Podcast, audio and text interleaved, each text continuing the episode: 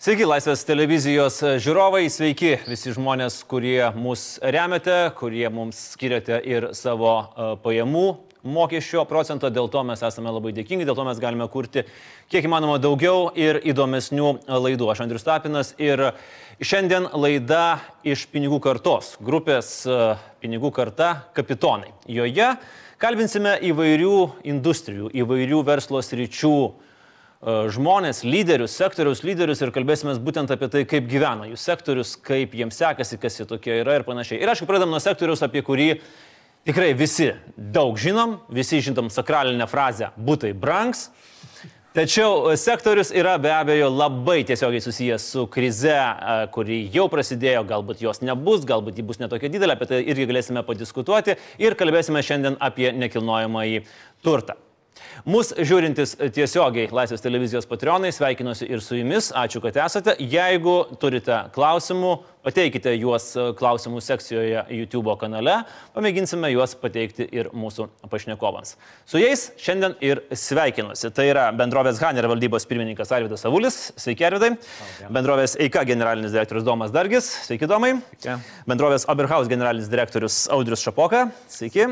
Ir banko Svetbank vyriausiasis ekonomistas Nerijus Mačiulis. Sveiki. Labadiena. Ponai, tikrai labai gerai pažįstama kompanija nuo senų pinigų kartos laikų. Smagu, kad vėl galime padiskutuoti. Uh, Arvidai, labai klausimas paprastas, kokios nuotaikos? Žengiant į vasarą, ką tik, ką tik prasidėjo, išgyvenom pavasarį, kokios nuotaikos nekilnojamame turte, konkrečiai jūsų bendrovėje ir pas jūs? Šiandien ženkliai geresnės nei prieš mėnesį, mm. kai mm, buvo e, balandžio mėnesio rezultatai suvesti, tai buvo lengvas šokas. O praėjus gegužės mėnesiui, tai, na, mes jaučiamės jau kaip ir atsigavę. Suprantam, kad ne tik mes buvom šoko būsenoje, bet turbūt ir visa visuomenė. Mm. Ir, na, visiems reikia laiko dar sugrįžti į seną tą vėžę, į seną gyvenimą.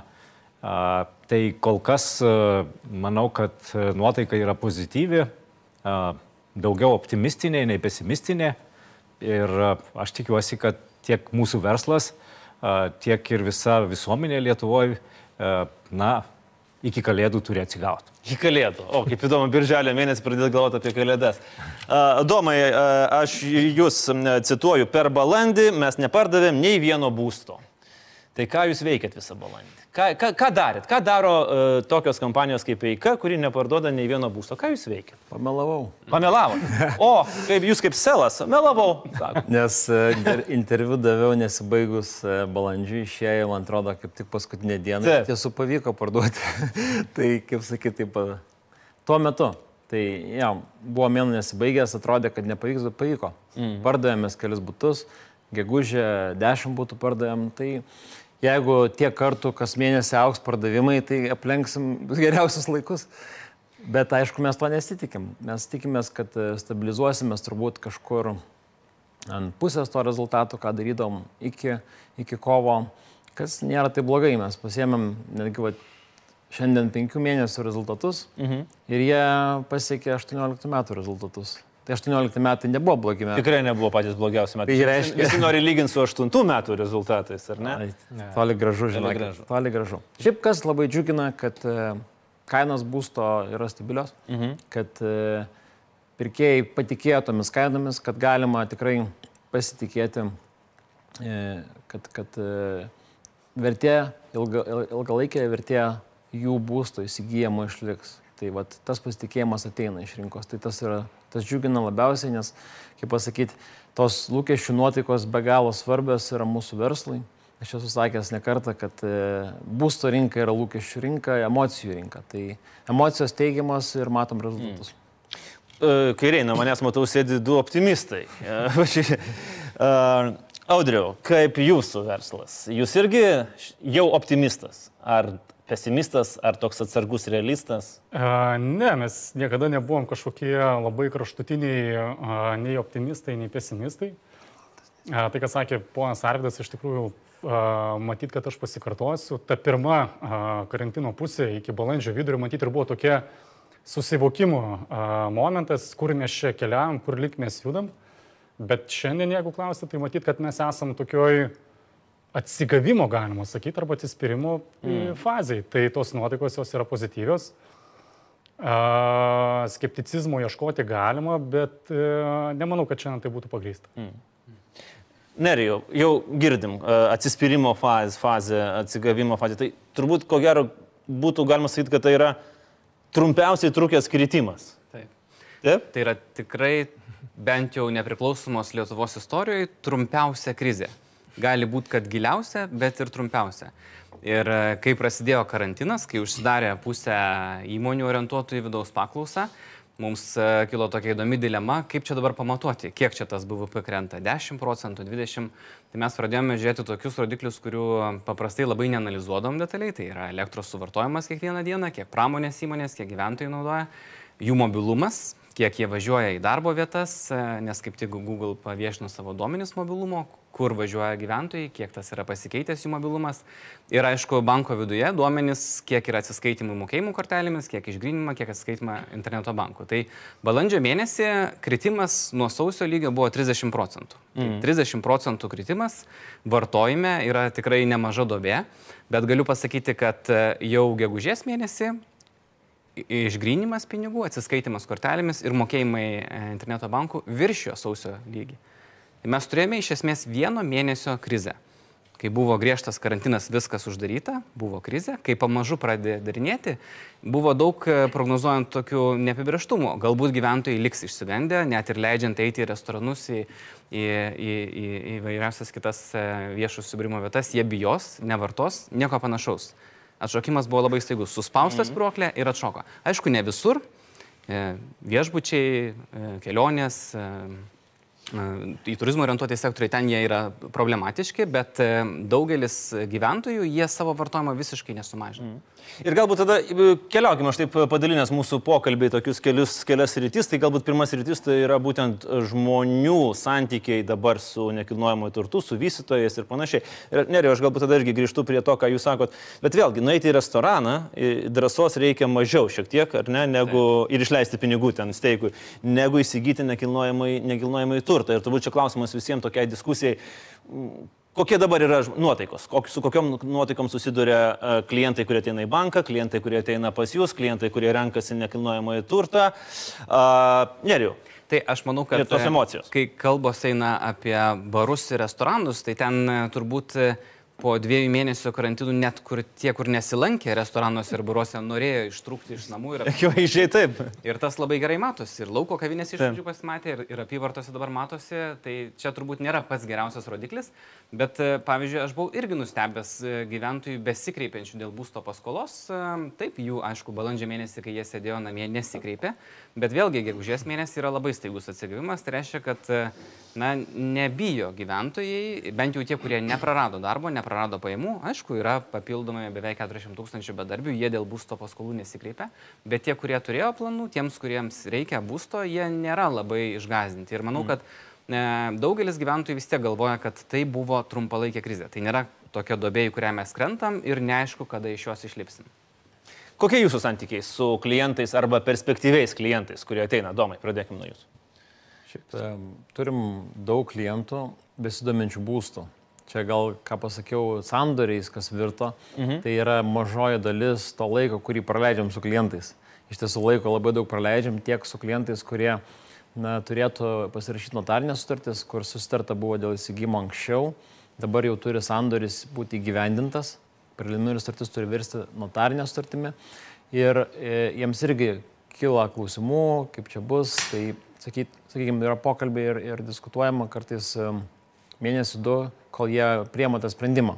Buvo, mm. bet, e, sakykime, praktiškai visi sandoriai, kurie buvo suplanuoti, jau įvyko. Nauji klientai vaikšto labai intensyviai, skambina, jeigu imti mūsų svetainių lankomumus, tai jie yra tikrai rekordiniai ir tikrai negalėčiau sakyti pagal tai, kad e, susidomėjimas yra mažesnis. Bet ar čia yra rimtas susidomėjimas, ar čia yra taip, kad sėdim namuose, neturim ką veikti, nu pažiūrėkim, kaipgi čia dabar yra. Gal jau atpigo? jo, kada. Um, žinokit, e, yra ir tokių, ir tokių, mhm. bet e, didžioji dalis klientų rimtai domisi ir pagal užduodamus klausimus galim suprasti, kad tai yra tikri klientai. Mhm. Tai ko tikrai šiuo metu nenustebinsiu, gal nepastebim, tai yra investuotojų, kurie sako, pirksiu, nuomosiu ir iš to darysiu verslą. Normalu. Taip. O žmonės, kuriem reikia būsto, jie grįžo labai greitai. Gerai, apie investicijas mes dar pakalbėsim. Arvidai, koks jūsų santykis su Tai e, iš tikrųjų viskas keičiasi, galima sakyti, vos ne kiekvieną savaitę, gal kas dvi savaitės, sakyčiau, yra e, tam tikrų pokyčių ir norėčiau pasakyti, kad, na, dvi, trys savaitės atgal buvo e, pakankamai nemažai e, tų klientų, kurie tiesiog medžiojo medžiojo, reiškia, mažiausią kainą. Dabar. Ką, ką tai reiškia? Tai, Med, tai yra, vat, praeina žiniasklaidoje tam tikros na, prognozijas, kad gali nekilnojamo turto kainos kristi. Taip. Na, ir iš karto yra žmonių, kategorija žmonių, kurie skambina ir klausia, kiek kainos nukrito. Jau nukrito. Jo, jau nukrito. Sakom, nenukrito. Ops. Tai čia man nėra ką veikti. Mm. Nu, kitas vėl skambina, tai kada nuleisit kainas. Tai ta prasme buvo pirmoji fazė, tai yra reagavimas į tai, į tas prognozes, į, į, į tas, reiškia, pasisakymus kai kurių čia analitikų, reiškia, kad kainos gali koreguotis ir kristi. Bet ar tai kas tai yra? Aš dar pati pasitikslinsiu. Čia kas yra? Čia tam, tam tikra grupė spe, spekuliantų, kurie norėtų vat, tą, tas žirklės, tą maržą pasimti savo ir Taip, laikytą būtų? Yra žmonių, klientų, gal ir žmonių kategorija tų, kurie ieško žemiausios kainos ir jie viską padarys, reiškia, kad sugauti tą žemiausią kainą, mes bandom paaiškinti, bet žiūrėkit, jūs galite šiandien pagauti tikrai žemą kainą, bet kur? Bloguose projektuose. Mm. Tuose, kurie žmonės dabar neturi pinigų užbaigti tą projektą. Tai be abejo, jis neturi kitos išeities. Jis neturi kitos išeities. Jis turi nuleisti kainą iki dugno, kartais net žemiau, kad tik gautų kažkiek tai pinigų ir kad galėtų užbaigti tą projektą. Bet tada klientas pakliūna į tą rizikos zoną nes jis gali ir neužbaigti. Tu gali gauti nekokybišką būtą ir taip toliau. Tai čia buvo 2-3 savaitės atgal. Taip. Dabar situacija keičiasi. Dabar jau atsibunda tie, kurie uh, mato, kad na, jau neužilgo, netgi šiandien Veryga pažymėjo, kad gali karantinas baigtas. vidury, taip. Tai ką įsivaizduot, ką tai reiškia. Du mėnesius gazino, gazino ir staiga sako, kad jau gali baigtis tie visi siau, siaubai. Tai reiškia, žmonės pradeda pramastyti kitaip. Tai reikia galvoti į ateitį, į priekį ir kas tada bus. Mm. Tai dabar mes turime e, kategoriją pirkėjų, kurie skambinasi, ieško, jie niekur neskuba, jie tikslinasi, ar viskas gerai pas juos, ar viskas tvarkoja ar, ar, ar kokios čia perspektyvos, kada darysit, kada užbaigsit ir visa mm. kita. Na, jie žvalgosi, ieškosi, kai kurie ateina, rašosi sutartis, bet e, reikėtų, na, vis tiek sažiningai pasakyti, kad e, gegužės mėnesio rezultatas, na, pas mus yra maždaug 4-5 kartus mažesnis negu praeitų metų vidurkis mėnesį. Bet pernai metai apskritai ten buvo no, rekordų rekordai. Praeitį metai taip, bet, na, sakykime, praeitų metų rinka tikrai buvo nelabai sveika, nes augo beveik 40 procentų. Tai yra, nu, toks nelabai sveikas augimas. Bet jeigu įsivesti, na, sakykime, kažkokį tai vidurkį, mes per mėnesį maždaug parduodam tarp 40 ir 50 būtų. Tai vad, gegužės mėnesį pardavėm 10. Tai reiškia, keturis kart maždaug, keturis ma mažiau. Tai, tai ir atspindi, kaip ir pirkėjas šiandien elgesi. Jis elgesi ramiai, atsargiai, nelabai skuba, mhm. nes dar daug kas neaišku. O aš manau, kad po mėnesio bus daugiau aiškumo, po dviejų mėnesių dar daugiau aiškumo ir, kaip minėjau, kai ateis kalėdos, aš manau, kad viskas visiems bus aišku. Audriu, jūs, jūs kaip uh ne kaip vystytojai, o kaip e, pardavėjai, kaip skirtai, kaip agentūra. Kaip jūs matot e, tą žmogiškai faktorių? Ar iš tikrųjų ilgėja apsisprendimo laikas? Ar tos emocijos atsargumas yra, ko ieško, ko nori žmonės ateidami pas jūs, ko jie klausia, kas jiems yra įdomu? Jo, aš gal tik tai pridėsiu tiek prie Domo, tiek prie Arvido, kad e, ta pirkėjo auditorija, kurie ateina gaudyti kainos, tai jinai iš tikrųjų visą laiką egzistavo, tie, kurie medžiojo kainas. Mhm. Tai du variantai. Arba jie rasdavo tas mažesnės kainas kažkokiam prastesniam projekte, arba jie normaliam projekte, tarkim, nežinau, Arvido ar Domo projekte, rado kokį nors patį, patį, nu, prašiausią būtą ten, aš nežinau, iš jų. Be langų. Pamiršau, tokio nėra, bet yra buvę tokių, mačiau. Bet jo, tai jie, jie tų kaip pasakyti, jie tų kainų ieško, jie tokius objektus gaudo, bando pagauti, jų auditorija dabar aš net nebejoju, tiek pas, vat, kas sako Arvidas, tiek pas Doma, tikriausiai jų buvo daugiau. Bet tai yra natūralu, o iš kitos pusės e, matyt, kad e, pirkėjo apsisprendimo laikotarpis jisai šiek tiek yra išsitempęs. Didieji plėtotojai turi išsiskaičiavę savo konversijos rodiklius, kiek turi gauti skambučių, kiek turi turėti vizitų, mhm. kiek iš tų skambučių ir vizitų gimsta pardavimų. Tai tiek smulkus vidutiniai, tiek stambiausi plėtotojai Lietuvoje, matyt, šiandien turi šiek tiek tokius ištemptus tuos konversijos rodiklius. Bet tai nereiškia, kad tie pirkėjai, na, kaip pasakyti, sprendimų nepriima. Aš gal tik tai pridėčiau dar vieną dalyką, kad šiandien mes, na bent jau iki šiol iš tikrųjų, mes neturėjom, tiek kalbant apie pirminę rinką, tiek kalbant apie antrinę rinką, tos pirkėjų auditorijos, kuri pirko turtą investicijai. Kitaip tariant, ne, ne, investicijai nereiškia, kad siekia gauti kažkokią labai konkrečią nuomos gražą. Mhm. Bet galbūt tie, kurie norėjo padėti pinigus, kaip, kaip konvertuoti kažkokią saugią alternatyvą. Tai jie, mes matom, tiek Vilniuje, tiek Kaune, Klaipėdoje ir visoje Lietuvoje savo sprendimus šiek tiek prišaldė. Jie yra pasiruošę, laukia. Aš manau, kad šitie 2,5 mėnesio jiems yra pakankamas laikotarpis suprast, kur link juda rinka Ir panašu, bent jau iš paskutinių dviejų savaičių rezultatų, kad e, jie savo sprendimus jau pradeda priminėti. Kitaip tariant, jie jau vėl grįžta rinką. Mhm. Mm. Turim ir kelis, kelis klausimus apie tai susijusius, būtent apie investavimą. Tai mes tikrai juos matom, e, mūsų gerbimi žiūrovai, patronai, užduokite klausimus ir kitus tikrai pateiksime juos ir prelegentams. Vienas labai konkretus įdomus klausimas Nerijui Mačiuliui yra, bet šiek tiek vėliau, Nerijui, aš dar norėčiau likti prie, prie kliento mentaliteto. Ką jūs esat pastebėjęs, nuotaiką žmonių, kurie ateina turbūt ir ir į bankus. E, galbūt netgi su tom tikrų stereotipu, kad tikrai neduos dabar. Taip, taip. Nieko neduos. Taip, bet čia pirma prielaida, pirma mintis yra, nu tai dabar viskas, jau paskolų neduos. Ir iš tiesų čia turbūt yra kažkokios aluzijos į 2009 metus, kuomet iš tiesų kreditavimas buvo labai prislopintas, bet e, tuomet situacija ir bankų sistemoje, ir šalies ekonomikoje, ir kalbant apie ekonomikos skatinimą, pavyzdžiui, skolintomis lėšomis buvo visai kitokios. Tai ta situacija pasikeitė ir ką aš matau iš e, bankų vidaus, tai nėra labai pasikeitusi kreditavimo aplinka. Gyventojai, dėl ko aš sakiau, kreipiasi, jie kreipiasi dėl to, kad jiems įdomu sužinoti, ar jie vis dar gautų paskolą mhm. ir kokiomis sąlygomis, ar bus daug brangiau ar ne. Tai tiesiog prasitestuoja, ar jie gali pasiskolinti ir tada turbūt jau eina žiūrėti, ką gali už tą sumą nusipirkti. Tai čia vos net atvir, atvirkščiai, nes anksčiau susirasdavo būstą ir Taip. tada eidavo per bankus. Taip, ne? būtent. Tai okay. Dabar nori prasitestuoti, pasižiūrėti, ar, ar vis dar jie turės pinigų tam būstui įsigyti. Tai e, tuo pačiu metu mes dar žiūrime ir kas vyksta nekilnojamo turto rinkoje. Jūs tai matote iš kiekvieno savo vystytojo objektų, bet mes žiūrim visus nuomos ir pardavimų skelbimus, kurie yra ir vystytojų, ir gyventojų, kurie pardavinėja, mhm. ar ten yra pokyčių. Mes ten kiekvieną dieną galime žiūrėti, kaip keičiasi. Ir e, matome, kad pardavimo kainos beveik nepasikeitė, nesusviravo, tai reiškia, nebuvo tokios panikos, kad staiga reikia parduoti ten, ką buvau nusipirkęs antrą būstą, nežinau kaip čia bus. Bet nuomos kainos, pavyzdžiui, Vilniaus senamestėje sumažėjo skelbimuose 10 procentų, daugiau dabar net negu 10 procentų. Nes ten didžioji, ne, gal ne didžioji dalis, bet didelė dalis buvo, pavyzdžiui, nukreipta į Airbnb nuomai, trumpalaikiai nuomai. Turistų nėra, reikia staiga išnuomoti ilgam mm. laikotarpiui, kaina mušama 10-20 procentų. Tai va čia tas segmentas, kur, kažkuriam laikui gali būti labai išaldytas, neaišku, kada čia tie turistai grįž. Bet e, visuose kituose, pavyzdžiui, Kaune, Klaipėdoje kainos nei nuomos, nei pardavimo, bent jau skelbimuose ne, ne, nesumažėjo. Tai galbūt jau galutiniam sandurė ten jie nusidarė kažkiek, bet bent jau per skelbimus nėra tos mm. panikos. E, pabandykime dabar pažiūrėti į santykius tarp e, vystytojų ir bankų. Kokie, kokie čia yra, e, va, jau matau, Domas šypsosi pusę lūpų, nes, nes Domai ir jūsų paties citata yra iš tikrųjų, kad uh, nelabai aišku, kaip čia bus. Bankai nežino, kaip čia bus, palūkinos gali, gali kilti, būtent paskolų aš turiu minį projektų vystymui. Skirtai bankai gal nelabai linkia dabar skolinti nekilnojamo turto plėtrai, tai dabar patikslinkit šitą vanerijų į veidą tiesiai, kodėl pinigų jums neduoda arba... Galiu pasakyti. um, šiaip bankų politika, aš galiu atviras būti iš tiesų, bankų politika vystytojams griežtėjo metus laiko.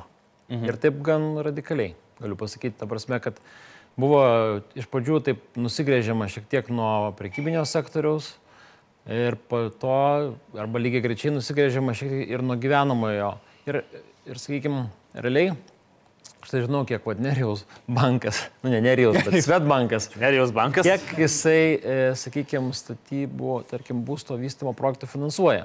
Bet e, gali užtekti man vienos rankos. Aš taip spėju, kad, kad maždaug tiek. Ta prasme, tai ar, argi čia yra didelis kiekis, kai mes žinom, kad Vilniuje yra 120 projektų beros, mhm. nekilnojamo turto būsto projektų, e. ne? Tai kiti bankai turbūt panašiais rezultatais gali pasididžiuoti. Tai šitas sektorius nėra patrauklus. Ir aš suprantu kodėl, nes yra didelės rizikos Ir didžiausia bėda bankų yra, kad labai greitai grįžta pinigai. Bankas paskolina ir jau jam gražina. 9-12 mėnesių viskas. Ir dabar, aišku, šiek tiek gali pailgėti, tarkim, tas gražinimo terminas, bet šiaip jiem tai yra, nėra įdomu. Banko biznis yra indėlius įdarbinti stabiliam, ilgam pinigų srautui. Tai yra komercinis turtas, generuojantis stabilę gražą ir panašus energetika projektai, kur yra ilgi terminai, mhm. po truputį kapsi ir čia yra labai aiškus stabilus biznis. O Nerijau. tas greitas apsisukimas nėra patrauklu. Teisingai, sako, daug. Kaip sakot, bankų problema, kai suteikia paskolą ir greitai grįžta. Šiaip problema būtų, jeigu negrįžtų ta suteikta paskola. Jau didelė problema. Tai yra maža problema ar didelė problema? Tai, bet taip, jūs visiškai teisus. Skirtingi sektoriai turi skirtingas e, rizikas ir e, jeigu kažkuriam sektoriuje matoma ženklų, kad e, rizika yra išaugus, jūs turbūt patys matot, yra dideli vystojai, kuriems reikia mažiau skolinto kapitalo, yra oportunistai ten, kur ateina verslininkai visiškai iš kitos srities, turi patirties kažkokių daržovių auginime, galvoja, reikia pastatyti daugia būtį, ar ne? Tai nu, vis tiek turbūt bankai irgi vertina perspektyvas, galimybės tokių projektų sėkmės ir, ir kredituoja atitinkamai galbūt mažesnę dalį. Kredituojant mažesnę dalį, tokiam verslininkui galbūt jau nebepatrauklu savo ten dėti 70 procentų kapitalo ir 30 procentų skolintis. Tai, tai čia to negaliu paneigti, bet e, vėlgi, ką jūs ir pasakėt visiškai teisingai, e, kreditavimas e, tokiems būsto paskolom tai yra ilgalaikė paskola su labai stabiliu pinigų srautu, tai yra patrauklu. Ir bankų verslas vis tiek yra kredituoti. Ir čia po 2009 metų buvo tokia įsišaknyjusi, e, kaip, kaip buvo frazė, iki 2008 metų būtai brangs. Brangs su Z. Z. po to buvo bankai neskolina. Tai taip, iš tiesų, bankai kurį laiką turėjo mažiau galimybių ir mažiau noro skolinti, bet dabar, mano supratimu, ieško tų galimybių, aišku, paskolinti su mažiausia rizika. Niekas per dėlės rizikos nenori. Nei jūs, nei jūs, mm. nei mes. Aš atsispirsiu nuo to, kad, e, nebent e, dar Arvidas papildys kažką. Aš, aš galėčiau pridėti e, truputį, kad jeigu čia neprisirišti tik prie būsto kreditavimo projektų, tai na, mums su bankais tenka nemažai dirbti ir, ir turim daug, daug tos patirties. Tai ten galėčiau pasakyti, kad viskas gerai. Na, mane tik vienas dalykas erzina šiek tiek, tai kad didėja palūkanos Ir ką tai reiškia? Tai yra, reiškia, kad bankai mato truputį daugiau rizikos rinkoje. Kiek smarkiai didėja? Na, na, na sakykime, ten 0,5 procento, tarp kai kuriuose vietose gal ir vienas, tarp, tarp 0,5 ir 1 mhm. padidėja. Tai, na, sakykime, jeigu mes turėjom kažkada kreditą, na, sakykime, 2 procentus mokėjom palūkanas, nu, tai dabar reikia mokėti tarp 2,5 ir 3. Bet na, e, ko, ko sakykime, aš čia pasigendu šitoje vietoje, tai e, aš manyčiau, kad bankai galėtų būti šiek tiek drąsesni. Nes jeigu tik pakvimpa kažkiek, vat, nu, neaiškis, neaiškumas, ar ne dabar rinkoje, visi Taip. sakom, neaiškumas. Taip. Tai ką daro, bankai iš karto pakelia kainą. O mes tai ir toliau rizikuojam. Tai o jeigu mes pradėtum taip elgtis atsargiai kaip bankai, tai gal mums nereikia statyti namų, domai, ką? Sutarkit, taip, iš tikrųjų. Ne, sutart negalim, jokių būdų. Ne, ne. Bet aš tiesiog šiaip nu, improvizuoju, suprantat. Ne, ne. Tai būtų saugiau šiandien, pavyzdžiui, nestatyti. Bet kas tada gautųsi? Nu tai tada natūraliai, ar ne? Audriu, kainos turbūt pradėtų kilti į viršų. Tai va čia ir yra tas skirtumas, kad e, privatus verslas, investuotojai, mes vis tiek esame linkę investuoti, mes linkę rizikuoti, uh, daugiau, mažiau.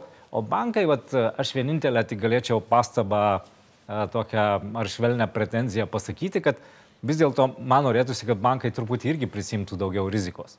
Šiai dienai tik mes prisimam riziką. Nu, mes jau turėjom kelis bankus, kurie mėgo riziką. O, ten tai buvo labai... Tai buvo puikus bankai. Bet jie labai daug palūkanų žadėdavo. Taip, taip. Ir tikrai. sekundė man labai patikdavo. O, tai dar, net, dar ir vėlesni bankai yra. Uh, Audriu, aš norėčiau dar komentarų atsispirdamas nuo to, ką pasakė Nerijus apie daržovę augintojus, kurie e, įeina į daugiabučių statybą. Tai yra, kitaip sakant, e, kiek yra šitas segmentas e, stiprus, tai yra, na, vieno projekto, ar ne, arba, arba naujų žmonių, kiek jis yra stiprus nekilnojamo turte, kiek vartotojai apie tai žino ir kiek čia yra rizikos, kad būtent šita, šitas krestelėjimas, kad jiems atsilieps, kaip galvojate? Daržovė augintojas nelygų daržovė augintojui. Kitaip tariant, vieni statybos eina patys bandydami susivokti, kokio to produkto reikia rinkai. kiti eina su partneriais, su patarėjais, su konsultantais ir išdirbinėja kažkokį tai projektą, daiktą, kurį jų supratimu rinka geriausiai suvalgys. Tai tie, mano supratimu, kurie eina su profesionalia pagalba, jie a, rizikuoja galbūt tiek pat, kiek rizikuoja didėjai plėtotojai. Mhm. Tuo tarpu tie, kurie a, ateina į rinką su savo suvokimu, koks turėtų būti projektas, koks turėtų būti produktas, e, į kokį pirkėją tas produktas orientuotas ir panašiai, mano supratimu, jie a, rizikuoja labiausiai, bent jau tokia yra istorinė patirtis. E, mes esame išvedę tokį mm, vidurkį maždaug, koks yra su statybų pabaiga, kiek didėjai plėtotojai arba vidutiniai plėtotojai arba tie smulkus arba mažiau žinomi, mažiau profesionalūs plėtotojai turi laisvų neparduotų būtų. Mhm. Tai jeigu, pavyzdžiui, tikėtina, aš nežinau, Arvidas Domas galbūt pridės, bet e, savo projektuose su statybų pabaiga jie matyt parduoda ne mažiau kaip 75-80 e, procentų būtų. Mhm. Tai tie uh, smulkiai plėtotojai arba neprofesionalūs plėtotojai, jeigu jie organizuoja visą realizacijos procesą patys, tai jie būna pardavę apie 55-63, jeigu teisingai pamenu, procentus uh, viso savo uh, projekto krepšelio. Tai matyt, čia ir būtų toks atsakymas, kad uh, tie, kurie iš tikrųjų ateina į rinką su, na, tokiu nei pusiau skustų, nei pusiau lūptų projektų, produktų, tai jie rizikuoja daugiausiai. Tokių projektų bent jau paskutiniu metu nebuvo daug, bet jų rinkoje yra. Kaip pirkėjų susivokti, tai Daugybė iš tikrųjų yra būdų, kaip, kaip patikrinti, kaip, kaip susižinoti, ar čia geras produktas, mhm. likvidus produktas, nelikvidus ir panašiai. O kiek svarbu klientui žinot, pirkėjui žinot, ar projektas yra vystomas iš savų lėšų ar iš skolintų? Nes pavyzdžiui, tikrai žinau, irgi turėjau pažįstamus, kurie čia bandė, galvodami krizės metu, nu, tikrai jau nusimušim, jie nori pirkti būtą, tikrai jau galvoju, čia jau nusimušim, nieko nevelnio, jiems ne euro nenuleido, sako, mes iš savo lėšų statom, mes tikrai niekur neskubam, čia iš to kaina yra ir vis tiek ateis ir nusipirks. Bet tie e, žmonės, kurie ima paskolas šituo metu, va, yra labai didelė rizika kliento, kliento prasme. Ar, ar tokia, nu, manageable? Aš manau, kad manageable labiau priklauso net e, tikriausiai ne nuo plėtotojo finansavimo šaltinio, bet e, grįžtų prie esmės tikriausiai nuo pačios koncepcijos, koks tas produktas yra. Ir antras dalykas priklauso individualiai nuo srautų, ar tas projekto plėtotojas e, finansinius srautus suvaldęs, ar jisai turi apivartinių lėšų ar neturi. Tai ar skolintas kapitalas, ar pusiau skolintas kapitalas, tai tame, kaip pasakyti, e, tai yra svarbu, bet ne čia matyti yra akcentas. Mm. Tai e, manau, kad šiandien tiems plėtotojams, kurie susiduria su uh, srautų problemom, su apivartinių lėšų trūkumu, tai aš manau, kad jiems yra sudėtingiausia. Eika ir Haneris, kaip jūs reaguojat į konkurentus, kurie, na, nu, aišku, žaidžia su vienu, dviem projektais, bet vis tiek yra, yra rinkos dalyviai. Kaip jūs juos vertinat? Normaliai. Normaliai. Visiškai normalu. Mm. Tai rinka atvira, ją kas nori tas įeina. Ir, na, aišku, man šiek tiek e, kėlė šypsena, kai vičiūnai įėjo, kai norvelitai įėjo į nekilnojamą turtą.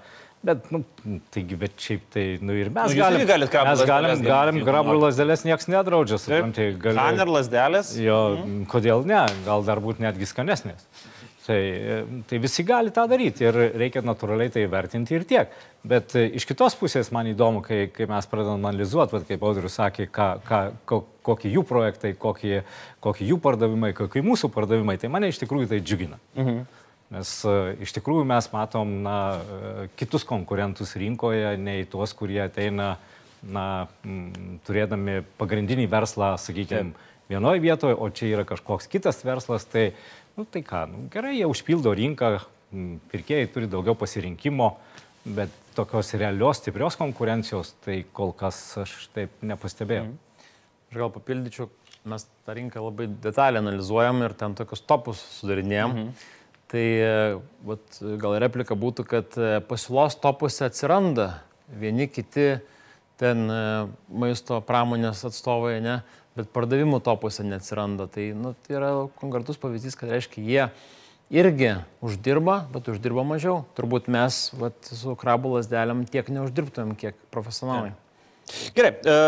Sureaguokime į kelis klausimus, kurias pateikė e, tiesioginė transliacija žiūrintis žmonės. Ir natūralu, kad e, bent keli klausimai yra susijęs su investavimu į nekilnojamą į turtą, mes jau šiek tiek tai palėtėm, bet e, Neriu, jūsų nuomonė, e, dabar į ką dairosi žmonės, Vat kaip atrodo, į ateina į banką, sakytų, žiūrėk, aš čia turiu išsirinkęs objektų. Ir būtent klausimas yra, galbūt tai yra ne tik būtai, galbūt, va čia klausimas, galbūt tai yra sodybos, klipai prie ežerų, kad uh, jeigu čia turizmas vietinis. Mm kuriam laikui tikrai viršys iš, išvažiuojamai, gal tai yra labai gera investicija. Kaip? Ja, aš tai neturiu tokių apibendrintų duomenų. Tai turbūt galėčiau... niekas dar neturi jų. Jo, turbūt e, tikrai labai įdomu būtų pažiūrėti, kokiu objektų paklausa išaugo ir, ir tikrai iš tokių siauros imties galiu pasakyti, kad besidominčių sodybomis, sklypais prie ežero yra daugiau, nes uh, Na, ne vienas e, pagalvojo, kad bent jau šiemet neišvažiuos iš Lietuvos, nors panašu, kad tos perspektyvos ir galimybos keičiasi, bet e,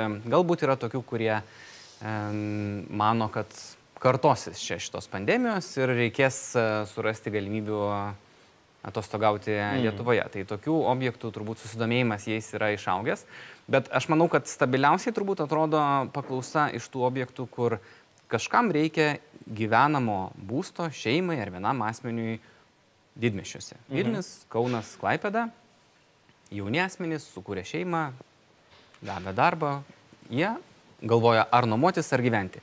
Ir tas sprendimas nepriklausomai nuo pandemijos yra. Ar čia yra gili krizė, ar negili krizė, ar trumpa, ar ilga, vis tiek kažkur reikia gyventi. Ir tie, kurie neprarado darbo, kurie nemato, kad čia situacija blogėtų ir galbūt ras, ir daugelis žiūrint į gyventojų lūkesčius, jau mes matome, kad už mėnesį labai stabilizavosi lūkesčiai, mhm. tiek dėl nedarbo lygio, tiek dėl gyventojų finansinės padėties. Tai tie asmenys nuolat priima tą patį sprendimą. Ar man dabar yra pigiau ir patogiau nuomotis kažkokį būstą, kol nežinau, kiek vaikų turėsiu, kuriame mieste dirbsiu, ar aš jau tikrai žinau, kad va čia mano yra svajonių rajonas, svajonių dydžio būtas ir aš matau galimybę nusipirkti ir perku. Tai šitam segmente nėra labai dėlių pokyčių. Aš, ką jau minėjau, vienas yra segmentas, tai tie trumpalaikės nuomos būtai, kurie čia klėstėjo pastarosius dviejus metus, jie kurį laiką tikrai bus atvėsi ir ten senamestį nebus jiems patrauklu, bet visi kiti, tai viduriniai klasiai, jie vis dar yra labai įperkami Ir e, vis dar vertinant tiek dabartinės palūkanas, tiek nuomos kainas, ta iš finansinių srautų, kiek reikia mokėti per mėnesį nuomojantis būtą arba e, gražinant paskolą, vis tiek yra patraukliau skolintis. Mm. Čia disclaimeris sako bankininkas, Taip, bet... Išjaučiausi šitą sakymą. Bet paskaičiuoti vis tiek, kiekvienas gali. Ir aš tą rekomenduočiau padaryti. Pasiemi būtą ten dviejų ar trijų kambarių, ko tau reikia, kiek jo numo kainuoja ir pasiemi lygiai tokį patį būtą, jeigu nusipirtum, kokia būtų mėnesinė būsto paskolos. Bet matai, čia dar reikia skaičiuoti ir kitus dalykus, kiek tu būsi prisirišęs prie to Taip, būsto, prie tai savo darbo. Čia svarbiausia. Čia svarbiausia, jeigu, jeigu tu jau matai, kad čia yra tai, ko tu labai nori, tai aišku. Jeigu ne, nesitikras, tai aišku, nusipirkimas yra mažas likvidumas. Taip, Aš galiu papildyti, ar turbūt. Žinoma. Tai uh, dar yra vienas ar, uh, faktorius, kuris uh, čia nerėjau, aš manau, kad neužtruks investuotojai, todėl kad metų pradžiai buvo 15 milijardų eurų privačiose sąskaitose. Ir 15 milijardų, jeigu pažymsim, na, ten infliaciją, tai galim labai daug suskaičiuoti, kiek šimtais milijonų prarandama tie, kurie laiko pinigų sąskaitoje. Dar įdomesnė, nepatikrinta, bet girdėta informacija, kad per šitos mėnesius indėlių padaugėjo dviem milijardais. Patikrinta, ne, ne dviem, bet padaugėjo. Tu, tu žinai, ne, aš, aš nežinau, tai tiesiog... Tai Indėliai, bet, bet esmė... 10 metų nuolat augo ir dabar augimas paspartėjo. Neturėjau nors palūkanų neduoda, bet, bet vis tiek. Bet matai, kas yra. Bet tai tie pinigai, jie, jeigu tu jų nenaudosi, tai kas tada? Jų perkamoji galia mažėja. Taip. taip. Ir kas tada gaunasi, kai tu žiūri, o kur juos įdėti? Kur? Obligacijų nusipirkti su minusiniu. Taip. Tai bankas gali investuoti į minusinės obligacijas, dar kas nors gali, bet privatus matuot, matau dar nesubrendęs, kad uh, atiduot pinigus, o pasimti ten keliais tūkstančiais mažiau. Tai aš manau, kad ir toliau bus tos investicijos į nekilnojamą turtą, vien dėl to, kad e, nekilnojamas turtas, va tau, jūs išvedat tą indeksą ir žinot, kad per paskutinius, na, aš prisimenu tris skaičius, tai yra, kad per paskutinius tris metus nekilnojamas turtas Vilniui pabrango 15 procentų vidutiniškai per metus 5 procentus. Tai vien užtenka to, mhm. kad tu šiandien nupirkai. Net jeigu jis tuščias stovi. Tuščias, palaikyk ir po, po trijų metų parduok, jau tu ne minusą turėsi infliaciją, bet supranti, bet tu uždirbsi. Tai va, tai aš tikrai neskatinu to daryti, nei vieno televizijos žiūrovo, nei vieno čia dalyvio. Aš tiesiog skakau statistiškai, kaip gaunasi, su pinigais. Jų yra daug rinkoje, juos reikia kažkur įdėti. Mm. Ir įdėti nelabai yra kur. Ir tada pamastai, pasvarstai ir vėl grįžti prie to nekilnojamo turto. Aš čia dar galėčiau papildyti šito vietoj labai. Čia tie keli milijardai Lietuvoje, tai, nu, atrodo daug.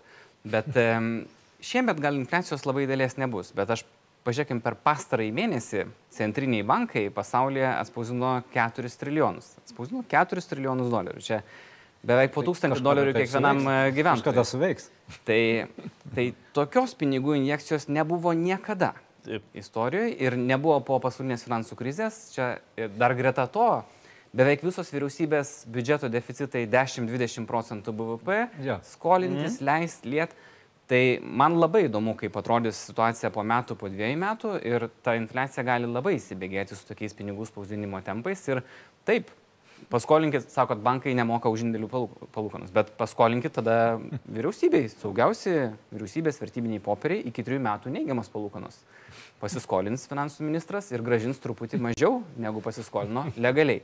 Tai tų alternatyvų tikrai nėra labai daug. Na, nu, yra tos savitarpio platformos, kur ragina skolintis ir moka ir 8 ir 9 procentus. Čia mes grįžtame prie bet čia kas kita. Fundamentalus klausimas - rizika. Taip, čia visai kas. Tėmė didesnė rizika, taip gali gauti. Aš norėčiau dar grįžti tada prie investicijų ir uh, audriau, kaip jūs skaičiuojate ir vertinate. Būtent žmonės, kurie ir čia mūsų klausia, tai vėlgi, antras būstas ir nuoma, kuri dabar greičiausiai gali kristi arba tikrai sumažėti paklausa jos, ar sklypas, ar sodyba, ar dar kažkas, kur vertė, kur vertė galbūt e, auks, kuo labiausiai žmonės domisi. Uh, nežinau, tai jeigu taip praplėsti dar tą klausimą, tai vat, e, čia matyt dar reikėtų klausti, ar dabar laikas pirkti ar nepirkti. E, amžinas klausimas vis tiek. Amžinas klausimas ir jeigu atvirai aš nežinau, ar toks teisingas atsakymas egzistuoja. Uh, aš tik tai dar taip išplėsiu savo atsakymą. E, gal šiek tiek nuvildamas lūkesčius, bent jau tenka sutikti, aš nežinau, tikriausiai Arvidui įdomu lygiai taip pat. Pirkėjų, pirkėjų kurie, nu, vad galvoja, artimiausiu metu tuo į rinką ateis ten kažkokie tai nupiginti būtai, greito pardavimo pasiūlymai ir panašiai. Pasiūla, kitaip tariant, e, pigi pasiūla, kokia buvo prieš 12 metų. Tai A, nemanau, kad tokių gerų daiktų, tiesą pasakius, ar tai būtų būtas, ar žemės klypas, ar namas, e, pasiūlą papildys reikšmingai. A, aš apskritai šitoje vietoje esu visiškas skeptikas, manau, kad tokių variantų, na, jų bus vienetai, jeigu bus. Ir taip yra visų pirma dėl to, kad e, čia mes dar gal e, prieisim prie to, todėl kad prieš 12 metų, pavyzdžiui, turto perkamumo indeksas, pavyzdžiui, Vilnius būtų perkamumo indeksas buvo dvigubai mažesnis negu šiandien Vilniuje. Tai reiškia, 2008 metais, pavyzdžiui, vidutinis Vilnius miesto gyventojas už savo vidutinį metinį atlyginimą galėjo nusipirkti apie 3-3,5 km2 naujos statybos projekte. Šiandien vidutinis Vilnius miesto gyventojas už savo vidutinį metinį atlyginimą gali nusipirkti apie 6-6,2 km2. Tai vienas dalykas. Antras dalykas, tuo metu rinkoje dominavo, net nedominavo, bet tikrai reikšminga dalis pirkėjų. Vis dėlto buvo pirkėjai, kurie buvo vedami lūkesčių, nepagristų lūkesčių. Ruslanas iš Šeškinės ar ten Božanai iš Žirmūnų parduodavo savo sandėliuką tik tai tam, kad galėtų nusipirkti vieno ar ten dviejų kambarių būtuką, tikėdamasi vat, parduoti tą būtuką ten po trijų mėnesių ar pusės metų už ten 5 ar ten 10 procentų brangiau. Šiandien mes tokių lūkesčių neturim ir šiandien realiai pastaruosius, net ne šiandien, bet per pastaruosius keletą metų, realiai tiek, kiek augo atlyginimai, realūs atlyginimai, maždaug tokia apimtim augo ir būtų kainų lygis. Tai čia grįžtant prie klausimo esmės, nežinau, ar yra tokia turto klasė, kurią reikėtų investuoti labiau negu kažkur kitur. Mhm. Ir tikrai negaliu pasakyti, kad šiandien blogas ar geras laikas pirkti. Tik tai manau, kad tokių vat, greito nusimetimo, greito pardavimo atveju mes rinkoje tikrai artimiausiu metu neturėtumėm turėti. O tada dar komentaras apie būsto nuomą, kur jau užsiminė e, Nerius. 10 procentų Airbnb atsidarė, kiek laiko tas tęsis, kaip jūs prognozuojat ir kaip ta rinka na, susiformuos kitaip galbūt, kaip Rubiko kubas. Čia dar reikėtų matyti papildyti, kad e, Šiaip jau skaičiuojama, aišku, yra įvairūs skaičiavimai, bet Vilniuje apie, yra apie pusantro tūkstančio, gal 1800 būtų, kurie buvo iki pandemijos nukreipti trumpalaikę nuomą. Mhm. Tai bent jau mes skaičiuojam viduje, kad 20 procentų tos trumpalaikės pasiūlos atėjo į ilgalaikę pasiūlą. Tai natūralu, kad išaugus realiai ilgalaikės būsto pasiūlos, na kaip čia apimčiai, tos kainos šiek tiek sumažėjo, bet iš kitos pusės mes per pastarosius 12 mėnesių turėjom ir 6-8 procentus Vilniuje augantį būtų nuomos kainų lygį. Mhm. Tai tai, kad jisai pasikoregavo dabar iš tikrųjų. Balandžio mėnesį beje, mes kaip organizacija nei Vilniuje, nei Kaune, nei Klaipėdui nefiksavom jokio neigiamo būtų nuomos kainų lygio. Gegužė, vat, laukiam gegužės rezultatų, matyt, susiskaičiuosim viršiukus, bus, taip sakant, matyt aiškiau, bet panašu, kad nuomos kainų lygis keisis ten iki minus 5 procentų. Tai turint galvoj buvusi augimą ir turint galvoj tą susitraukimą, jo labiau, kad tas susitraukimas iš esmės yra sąlygotas ne vien tik tai tų aplinkybių, aplinkybių kas darosi rinkoje, bet uh, iš esmės išaugusios pasiūlos, tai aš taip sakyčiau, kad tai yra labai subalansuotas ir labai sveikas, mm. sveika kainos korekcija. Audrius jau užsiminė apie tą įperkamumą ir, ir pernai metų duomenimis aš mačiau, kad mhm. įperkamumas, na, Vilniuje, vėlgi imkim Vilnių, yra ko gero rekordinis nuo, nuo nepriklausomybės metų, nes dabar neatsimenu, ar jūsų, ar, ar, ar jūsų komentaras buvo, kad dviejų asmenų šeima, Taip. jo, turbūt jūs vardu, mhm. gali ramiai turi, į, į, nusipirkti 50 kvadratų būstą Vilniaus miesto centre. Miesto centre. Tai nėra Taip. ne vienos tokios ES šalys, e, šalies, mhm. kur miesto centre, na, turi, gaudami atlyginimą, va tą vidutinį Vilniaus atlyginimas yra 850 eurų, man atrodo, neriau, gal tu patikslinsi. Tai reiškia, tai nėra labai didelis tas atlyginimas 850 eurų, du žmonės gali nusipirkti 50 kvadratų tai yra vidutinis būstas, aš noriu vėl pabrėžti. Tai yra vidutinis būsto dydis 50 kvadratų miesto centre. Tai yra neįmanoma. Nei Londone, nei Berlyne, mhm. nei Romoje, nei Helsinkį, nei Stokholme, niekur. Tai yra tik tai Vilnius vienas yra toks prieinamas miestas. Ir, ir čia, vat, ką ir Audrius sako, tai yra prieinamumas, įperkamumas, Ir, ir tai susiklostė būtent tokiom sąlygom, kurios dabar pas mus rinkoje ir yra. Mes dabar turim vieną didelę duobę, įkritom į tą duobę, po truputį išlipsim iš jos ir aš manau vėl viskas bus taip pat, kaip buvo. Bet tas faktas, kad uh, Vilnius yra traukos miestas, nes į, į sostinės visoje Europoje, visam pasaulyje yra didelė trauka. Nes kiekvienos šalies sostinė tai yra kultūros, verslo, ten pinigų ir taip toliau centras ir į centrą traukia visus žmonės. Tai yra pasaulinė tendencija, iš mažų miestelių žmonės važiuoja į didelius miestus. Tai kol ta tendencija įsilaikys, o aš manau, kad jinai įsilaikys turbūt dar ne, vienelius, ne vieną dešimtmetį, tai Vilnius bus miestas, į kurį važiuos žmonės gyventi ir dirbti. Jeigu jie važiuos čia gyventi ir dirbti, jiem kažkur reikės gyventi, būsto reikės. Taigi, mano nuomonė, tai yra pakankamai mm. šviesi perspektyva būstė ir čia tie sviravimai, pakilimai, nukritimai, taip, Bet aš dar galiu papildyti audrių ir pasakyti, kodėl tas įperkamumas, bet trijų metų mes žiūrėjome analizę, tai e, būsto kainos padidėjo per tris metus Vilniui apie 15 procentų, o atlyginimai Vilniui per tris metus paaugo 47 procentus. Dar turit plus 32 procentus tai, tai dėl, rezervą. Tai va, dėl to ir pasidarė jis lengvai įperkamas. Taip. Jeigu būtų ir atlyginimai, arba kai buvo 8 metais, reiškia, atlyginimai neaugo, bet, reiškia, būsto kainos augo 30 procentų per metus, tai be abejo, kad tai mm. kritiška situacija. Aš noriu paminėti dar vieną įdomų pavyzdį.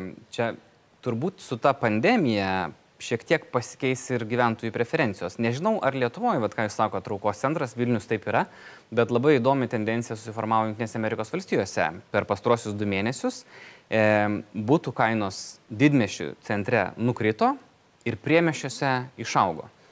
E, ypač nuomos kainos, nes e, visi bėgo iš tų spuščių centrų, kur virusas plinta labiausiai, dabartinės dar ir reušės vykstančios dar labiau sustiprina tą tendenciją, greičiau neždintis iš ten, kur yra pavojinga, jo lab, kad daugelis gali dirbti nuotoliniu būdu. Čia prastestavo porą mėnesių, nebūtina kasdieną važiuoti į darbo vietą. Tai ne, nesu tikras, ar čia taip ir Vilniui bus, e, galbūt per mažas miestas, nes mes kai kalbame... Intensyvumo. Taip, čia toks tankis yra labai mažas, mažas ne, negalim lyginti su New Yorku, ar ne? Tai, Bet, bet vėlgi tokia pasaulinė tendencija yra, kad e, galbūt tie didmešiai jie truputėlį išplis labiau plotę. Mhm. E, nebūtinai tai bus e, Vilniuje, nes Vilniaus tankis yra labai mažas apgyvenimas. Klausimas tada visiems pašnekovams, vėlgi mes kalbam šiek tiek pro, apie projekcijas į priekį, kalėdos, kaip Arvidas minėjo, nebejoju, kad jūs visi skaičiuojate. Žiūrėkit, dabar mes turim, tarkim, trijų tipų uh, būsto kainas, ar ne? Nu, tai yra ekonominė kaina, jeigu vėlgi įmam Vilnių, tai kiek yra maždaug pusantro tūkstančio uh, už kvadratą, vidutinė 2,2 ir prestižiniai ten prasideda nuo kiek, nuo 3. Nuo 2,5 mes. Ir aukštyn. Be apdailos. Be apdailo. Tai yra vienintelis turbūt miestas Europoje. Europoje, kur yra būstas be apdailos. jo. Kad mes dar perkam ir apdailos. Aš, aš galiu pasakyti, Gal mes- Bukareštas dar čia. Ne, ne, ne. Mes, mes, mes Bukarešte statom, dirbam ir ten, nu, klausyk, ten granitų išklojam e, palangės ir... ir Bet labai siauram sluoksniui turbūt, ar ne? Nu, bet, nu, Bet- patikėkit, rumūnai yra rumūnai, bet, bet nu, būtus tai reikia padaryti, kad blizgėtų. Taip. Ir mašinos turi būti gražios. Tai tada reiškia paskutinis miestas Europoje, kur be apdailos. Ne? Tai va, tai žiūrint į priekį, tarkim metai.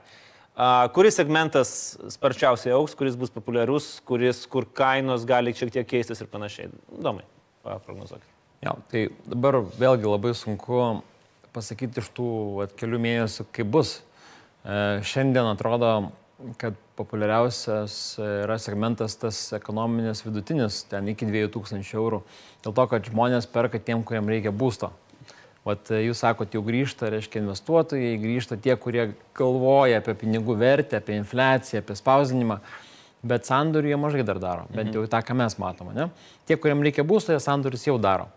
Dabar e, imti truputį ilgesnę perspektyvą, mes pamatėme fenomeną, tokį tikrai įdomią tendenciją, kad realiai e, vidutinio segmento būstų jau kuris laikas yra nuperkama daugiau negu ekonominės klasės. Vidutinė. Taip, tai reiškia 1800 eurų, 2000 eurų už kvadratinį metrą dalinė apdaila.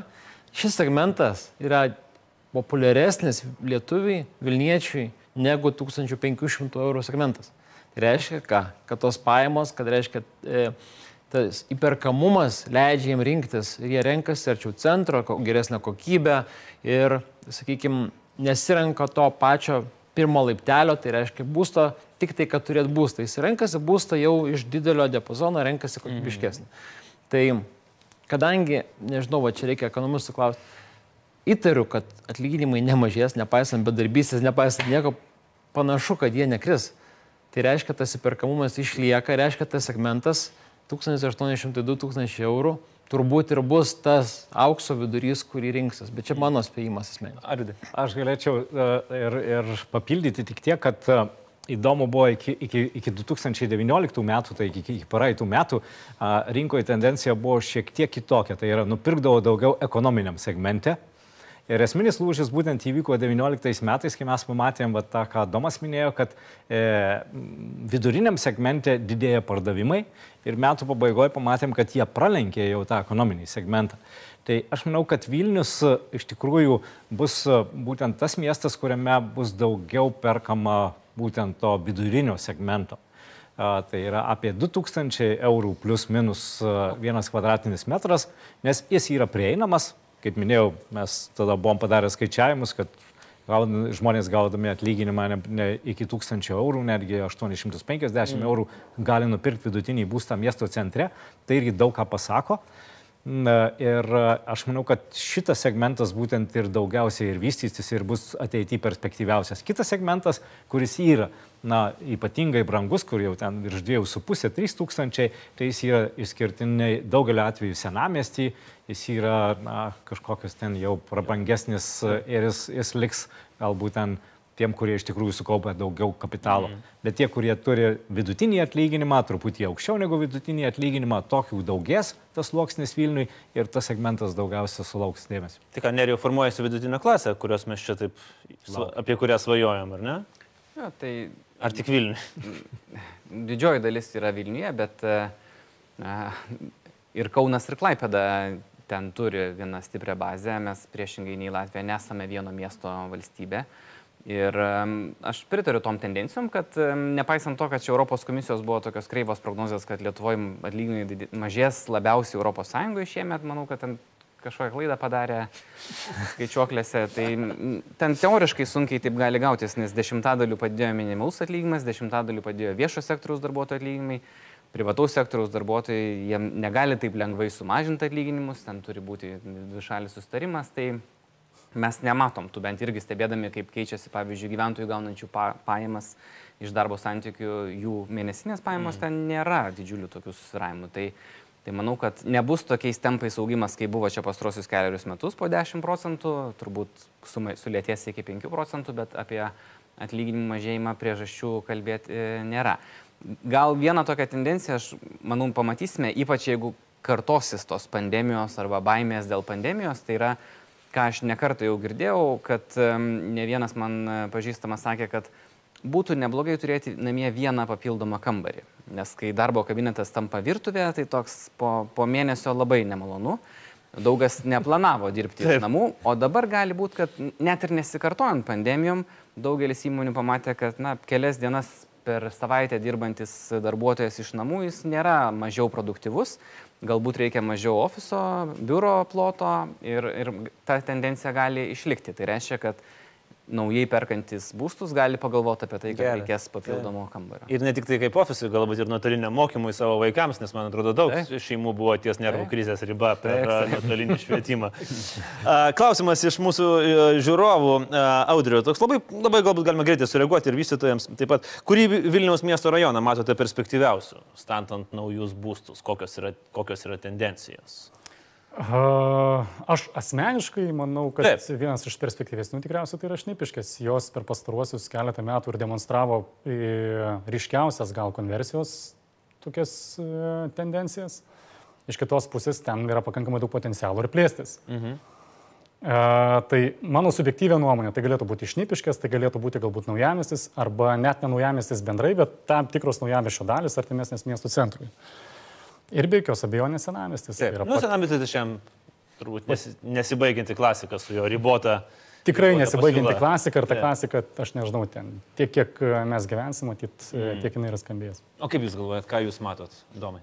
Aš gal papildyčiau, kad prie viso to, vat, naujamestis, tarkim, e, senamestis tame tarpe dar yra tas vadinamos stoties rajonas, ne? nežinau kaip čia priskirti, Vilkpėdė. Tai vat, tos apylinkės, tarkim, iki aplinkelio tūkstantmečio gatvės, ne, visa ta zona jau stipriai konvertuojasi.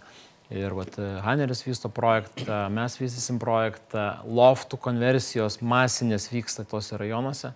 Ir greit pamatysime didžiulius pokyčius, kad ten realiai atsiras tokia normali vidutinė klasė, kurie kurs naują kokybę to rajono, mm. stoties rajono, Vilkpėdės rajono, naujame šitų zonų tam tikrų, kurios dabar šiuo metu stipriai konvertuojamos yra. Ar vidai, dar turit kažką pridėti? Aš tai nežinau, kodėl niekas nepaminėjo žvėryno, man tai labai įdomus rajonas. Gal dėl to, kad labai prestižinis? Niekas neleidžia. Bet tai koks kok, klausimas buvo, kas yra... Perspektyvus. Ai, perspektyvus. Perspektyvus. Aš vertingas. Ne, tai vertinga tai labai lengva paskaičiuoti, turbūt, bet perspektyvus tai yra žiūrint į priekį. Perspektyvus iš tikrųjų, aš, aš pritarčiau tai, kas buvo pasakyta, nes viskas, na, va, to naujamieščio zonoje, kuri ten prie senamieščio, Aš manau, kad jinai ten bus tikrai labai labai perspektyvi. Mm.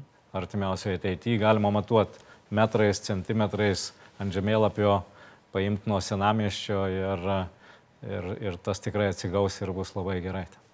Na ir pabaigai paskutinė turbūt tokia subtema, tai yra žmonės, kurie dirba statybų sektoriuje. Ir vėlgi, tai buvo keletas interviu ir vystytojų, ir vėlgi ir jūs, Arvidai, ir, ir Tomas, man atrodo, kalbėjote apie tai, kad na, tai yra iš tikrųjų didelė problema, katastrofiškai trūksta žmonių, tie žmonės, kurie yra, jie kelia kainas, ten 10 ar 15 procentų, viskas pakyla ir taip toliau. Žiūrėkit, ir paėmė dabar per pandemiją situaciją gal netgi ir pasikeitė, nes sugrįžo, sugrįžo žmonės, išvažiuoti nelabai gali. Va čia irgi klausimas e, iš, iš mūsų žiūrovo, kaip galvojat, vat, kad ir tie patys e, emigrantai dirbantys Skandinavijos šalise, kurie dabar yra grįžę, mhm. e, ar jie gali prisidėti prie šitos e, žmogiškojo kapitalo krizės suvaldymo. Kaip jūs dabar matot vat, būtent jau darbininkus, statybininkus? Mhm. Taip, įdomiai, prašau, tada prasisuksim. Tai aš e, truputį nuvilsiu šiek tiek jūs ar žiūrovus. E, statybininkai Norvegijoje grįžę į Lietuvą, jie yra verslininkai, o ne statybininkai. Ir būtų didžiulis įžeidimas pavadinti jį statybininku. Mhm. Tai čia pirmas toksai pastebėjimas. Tai jau išžydėt, kaip suprantu, bent kažkiek žmonių. Mes neišžydėm, ne. E, kitas e, momentas yra, kad e, ta migracija yra ne tik tai į Lietuvo grįžimas, bet ir iš Lietuvos grįžimas į rytų valstybės, tai yra Ukraina, Baltarusija. Tai nežinau, čia žmonių skaičiumi, bet galbūt, kad e, prilyksta sugrįžimui tų mūsų statybininkų iš vakarų šalių, išvykimas e, statybininkų į rytų šalis. Mm. Tai šitoje vietoje tas trumpalaikis efektas buvo, kad džiaugiasi statybinės kompanijos, kad jie e, neturėjo problemos e, su atleidimais, nes tiesiog tas karantinas išsprendė klausimą, reiškia, kad papildoma darbo jėga, E, kurios būtų nereikėję, jinai išvažiavo. Tai tiesiog susibalansavo ir vėl yra žmonių tiek, kiek reikia. Taip. Ir vėl reikia ieškoti žmonių. Tai tas nesibaigiantis darbas, jisai vyksta. Gal, galbūt pasakyčiau, e, kitą tokį matau dar ne, ne, neramų signalą, kad na, e, jie pajus turbūt statybos kompanijos tą, ką mes pajutome tik tai po gero pusmečio nes jie dabar vykdo užsakymus pasirašytus prieš pusę metų. Tai yra metų mm. pradžioje, netgi praeitų metų pabaigoje. Ir jie pilnai yra apsikrovę darbo. Ir jie negali paleisti nei vieno žmogaus. Jų reikia ir jiem netgi gal priedus mokėti, kad jie pabaigtų darbus. Tačiau, kalbant nuo rugsėjo, spalio, situacija kardinaliai keičiasi. Ir neaišku, kaip bus tada. Ir, ir jie su nerimu to laukia. Galbūt. Aš skaičiau, kad dalis žmonių, kurie grįžo iš na, Skandinavijos šalių, kur daugiausia buvo statybininkai, jie, jie na, pakankamai gerai čia įsijungia į tą rinką ir tai yra sveikintina.